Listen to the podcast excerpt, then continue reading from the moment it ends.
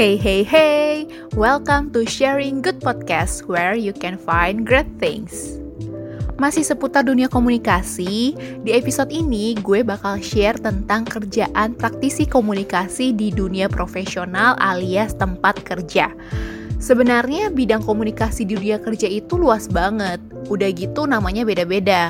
Ada kantor yang sebut tim komunikasi sebagai corporate communications, public relations, communications and branding, atau marketing communications. Gue sendiri pernah bergabung di divisi Corporate Communications di PT RGE Indonesia dan Marketing Communications di PT Indofood CBP Sukses Makmur TBK. Apa sih bedanya? Gue bahas dikit ya. Kalau corporate communications itu biasa sebutan tim komunikasi di corporate atau perusahaan non-agency gitu. Dan kebanyakan sih perusahaan B2B alias business to business. Dan dari pengalaman gue ada tiga job description utama yang gue kerjakan. Pertama, internal communications, yaitu berkomunikasi dengan stakeholder internal terutama staff-staff perusahaan. Di sini semua informasi yang perlu diketahui sama karyawan perusahaan harus tersampaikan dengan baik lewat email, internal e-newsletter, video, event, ataupun channel-channel lain yang efektif. Dan salah satu contoh project yang gue pegang kemarin itu RGE Core Values. Jadi pas awal-awal gue masuk kerja tahun 2017, RGE baru ngerilis Core Values atau nilai-nilai inti perusahaan yang baru. Dan di sini gue dikasih kepercayaan untuk bikin program komunikasi yang efektif khusus untuk wilayah Indonesia untuk satu tahun ke depan supaya semua karyawan tuh aware, tahu dan paham tentang core values yang baru itu. Dan dengan melakukan koordinasi dengan tim HR, gue mengelola microsite yang dapat diakses oleh karyawan di wilayah mana aja di Indonesia supaya karyawan-karyawan tuh bisa tahu konten-konten tentang RGE Core Values. Dan di dalam microsite itu gue juga nulis konten dalam bentuk artikel yang mengulas masing-masing nilai-nilai inti tadi dengan bahasa dan visual yang lebih mudah dimengerti. Gue juga bikin quiz, terus produksi video tentang RGE Core Values, dan mikirin proses distribusi informasi yang gue buat tadi. Nah, selain project RG Core Values, gue juga ngurusin acara internal perusahaan, kayak acara 17 Agustusan, acara ulang tahun perusahaan, acara-acara internal di RG itu menurut gue seru-seru banget. Job desk gue yang kedua adalah external communications, yaitu berkomunikasi dengan stakeholder eksternal, kebalikan dari stakeholder internal. Jadi di sini stakeholder yang dimaksud adalah vendor-vendor, media, sponsor, dan pihak-pihak eksternal lainnya beberapa poin yang gue kerjakan adalah negosiasi dengan vendor, pitching atau seleksi vendor yang tepat, terus menjalin hubungan baik dengan orang media. Misalnya kayak placement untuk ucapan selamat ulang tahun, terus bikin event bookber atau halal bihalal sama jurnalis-jurnalis, terus ada juga acara tahunan yaitu RGE Journalism Workshop dan juga media visit. Terus job desk yang ketiga itu content planning and development. Ini job desk paling basic buat tim komunikasi. Konten yang dibikin harus align dengan message utama yang mau disampaikan atau branding seperti apa sih yang diharapkan oleh perusahaan pada tahun itu. Jadi misalnya fokus message yang mau ditonjolkan di tahun 2019 itu adalah bagaimana filosofi bisnis perusahaan diterapkan. Jadi setiap konten yang dibuat itu harus diselipin bukti nyata penerapan filosofi bisnis perusahaan. Selain itu, konten dalam bentuk poster, banner, dan bentuk promosi lainnya itu harus sesuai dengan corporate identity.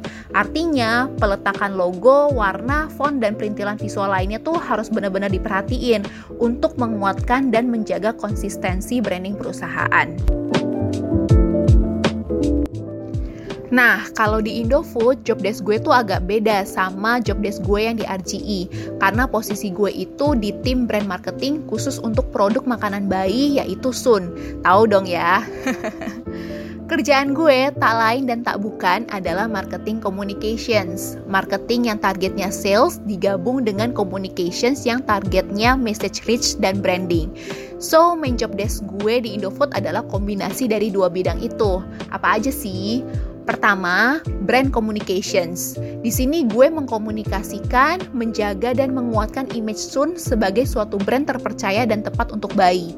Caranya bermacam-macam, termasuk bikin acara press conference saat peluncuran produk baru, bikin acara talk show atau roadshow tentang tumbuh kembang anak, berinteraksi dengan ibu-ibu via Facebook, bikin iklan dan masih banyak lagi. Nah, di sini yang paling penting adalah tahu target market produk Sun. Sun itu diperuntukkan untuk ibu-ibu di kelompok sosial ekonomi status atau SES e kategori B dan C atau bisa dibilang menengah ke bawah. Jadi cara berkomunikasi dan channel komunikasinya juga berbeda dengan brand makanan bayi yang targetnya menengah ke atas. Misalnya nih, pas kemarin kami bikin program edukasi tentang pentingnya ASI di 1000 hari pertama kehidupan atau 1000 HPK, juga seminar tentang pencegahan stunting, sekalian promosi produk Sun. Itu tim Sun melakukan um, seminar dengan menggandeng dokter-dokter bidan dan posyandu. Tim Sun juga menggandeng artis ternama yang tentunya dekat dengan kalangan ibu-ibu di SES B dan C itu karena ibu-ibu di kategori tersebut umumnya menaruh kepercayaan pada dokter-dokter bidan, posyandu dan juga artis yang mereka kenal. Job desk gue yang pertama tadi itu lebih ke bidang communicationsnya. Nah, job desk yang kedua itu lebih ke bidang sales, yaitu sales analysis. Di sini gue menganalisa penjualan setiap bulan. Ini job desk yang paling challenging menurut gue karena gue harus compile, match, dan analyze dua data sekaligus. Satu set data dari tim sales internal dan satu lagi data dari Nielsen. Di sini gue harus perhatiin uh, sales YTD atau year to date-nya, terus trend sales dari bulan ke bulan dan masih banyak perhitungan atau indikator lainnya. Habis itu kalau ada yang nggak match nih, gue harus cari tahu kenapa datanya bisa beda. Dan di sini gue akan banyak konsultasi dengan tim sales, distributor lapangan, juga checking-checking program-program marketing di bulan yang lagi gue analisa itu. Gue juga harus tahu wilayah mana aja yang salesnya naik, salesnya turun, dan apa sih penyebabnya, dan apa yang bisa tim marketing lakukan. Setelah semuanya sudah dianalisa, gue harus bikin report dalam format yang lebih mudah dipahami oleh bos gue. Udah ada template-nya sih, tapi ya tetap aja harus dipikirin kan kalimat penyampaian yang sesuai dengan analisa di bulan itu.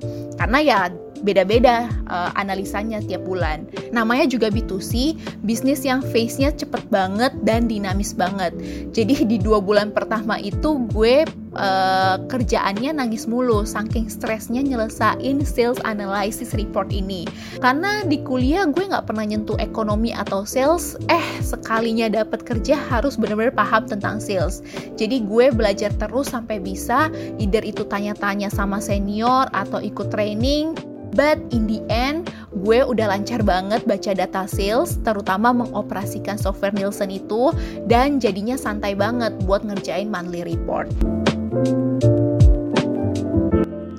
Terus job desk gue yang ketiga itu relate ke marketing, sales, sama communication sih, yaitu market research. Jadi market research ini berfungsi buat tahu kondisi pasar, baik itu tentang pandangan masyarakat terhadap produk-produk Sun ataupun tahu tentang distribusi produk Sun di seluruh Indonesia. Kalau di lapangan, gue tuh suka monitor visibility produk Sun di toko.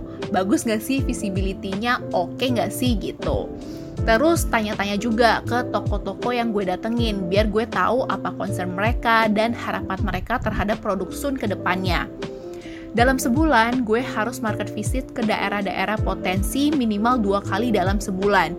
Setelah market visit, gue harus bikin report dan mengajukan solusi untuk mengatasi masalah yang ada atau melakukan improvement dari program-program marketing yang sedang berjalan.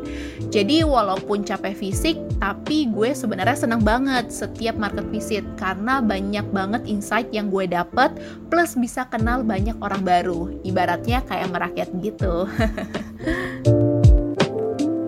Selain job description yang gue sebut selama gue kerja jadi corporate communication specialist dan brand marketer, for sure gue ngerjain hal-hal administratif dan perintilan lainnya, mulai dari purchase order, rilis surat untuk loading barang dan update database, translate, dan lain-lain. Walaupun beberapa kali harus drama sama tim finance atau tim sales, tapi gue happy banget dan belajar banyak banget dari pengalaman-pengalaman gue itu. Kalau mau dibandingin antara kerja di B2B dan B2C, hmm, dua-duanya punya target dan deadline yang harus dipenuhi sih. Tapi B2B kerjaannya agak slow dan menurut gue cenderung monoton karena main goal kita fokus di brand image and reputation dan sebagian besar semua-muanya udah ada template-nya. Jadi kita tinggal ikut dari sebelumnya atau tunggu diperintahin dari atas aja kalaupun ada inovasi yang diperlukan, itu occasionnya agak jarang sih. Jadi to be honest, gue kurang bisa mengeksplor dan mengembangkan skill gue di perusahaan B2B. Sedangkan di umur gue yang masih segini, gue masih penasaran sama banyak hal, pengen coba ini itu dan punya ambisi besar. Tapi mungkin buat lo yang udah settle dan udah capek sama hektiknya kerja, perusahaan B2B cocok pasti buat lo. Sedangkan di perusahaan B2C, gue tiap hari ketemu pengalaman baru, masalah baru, tantangan baru yang bikin gue ke-push untuk unbreak my limit otak gue kerja tiap hari, fisik gue beraktivitas terus, tapi gue happy banget pas gajian karena ibaratnya gue dapat reward dari hasil kerja keras gue. Padahal gajinya nggak segede gaji gue di perusahaan B2B sih, tapi entah kenapa kayak ada kepuasan tersendiri gitu. Mungkin lo dengernya agak aneh ya, kok malah seneng sih kerja habis-habisan tapi bayarannya kecil? Hmm, gue susah nih deskripsiinnya Kayaknya sih karena gue merasa pas kerja di B2C itu rewardnya nggak cuma datang dari materi atau gaji ya, tapi juga non materi kayak knowledge and experience yang menurut gue lebih valuable. I mean, buktinya gue lumayan bangga sama diri gue yang bisa paham soal sales dan Nielsen sekarang, walaupun sekarang udah agak-agak luntur sih. Menurut lo enakan kerja di B2B atau B2C? Terus lo lebih prefer kerja di bidang corporate communications atau marketing communications nih? Sharing yuk sama gue via DM IG. Search nama gue aja ya, Peselin. Lastly, gue mau bilang, sih kerjaan praktisi komunikasi itu luas banget. Anak-anak komunikasi berfungsi di industri mana aja dan title-nya sekarang juga makin berkembang. Kalau lo search job communications di LinkedIn, pasti banyak banget posisi-posisi yang langsung spesifik. Misalnya kayak community manager, social media specialist, internal communications, government relations, partnership manager, dan masih banyak lagi. Gue nggak bisa sebutin satu-satu lo cari sendiri deh. Ini nunjukin kalau bidang komunikasi itu benar-benar dibutuhkan. Dan yes, memang siapa pun bisa ngerjain kerjaan anak komunikasi. Karena intinya kita harus paham industri yang kita kerjakan supaya strategi komunikasi yang dibuat bisa berjalan dengan efektif dan efisien. Tapi gue yakin kok anak Ilkom punya poin plus dalam segi pemahaman yang lebih tentang strategi dan taktik komunikasi yang tepat. Karena anak-anak Ilkom itu nggak cuma diajarin caranya berkomunikasi, tapi juga diajarin alasan atau kenapa kita harus berkomunikasi sedemikian rupa. Next episode, gue akan bahas lebih lanjut tentang komunikasi di dunia kerja. So, jangan lupa follow podcast ini dan share ke berbagai platform supaya lebih banyak lagi orang-orang yang dapat hal-hal baik. Stay safe and take care di mana pun lo berada ya. See you on the next episode.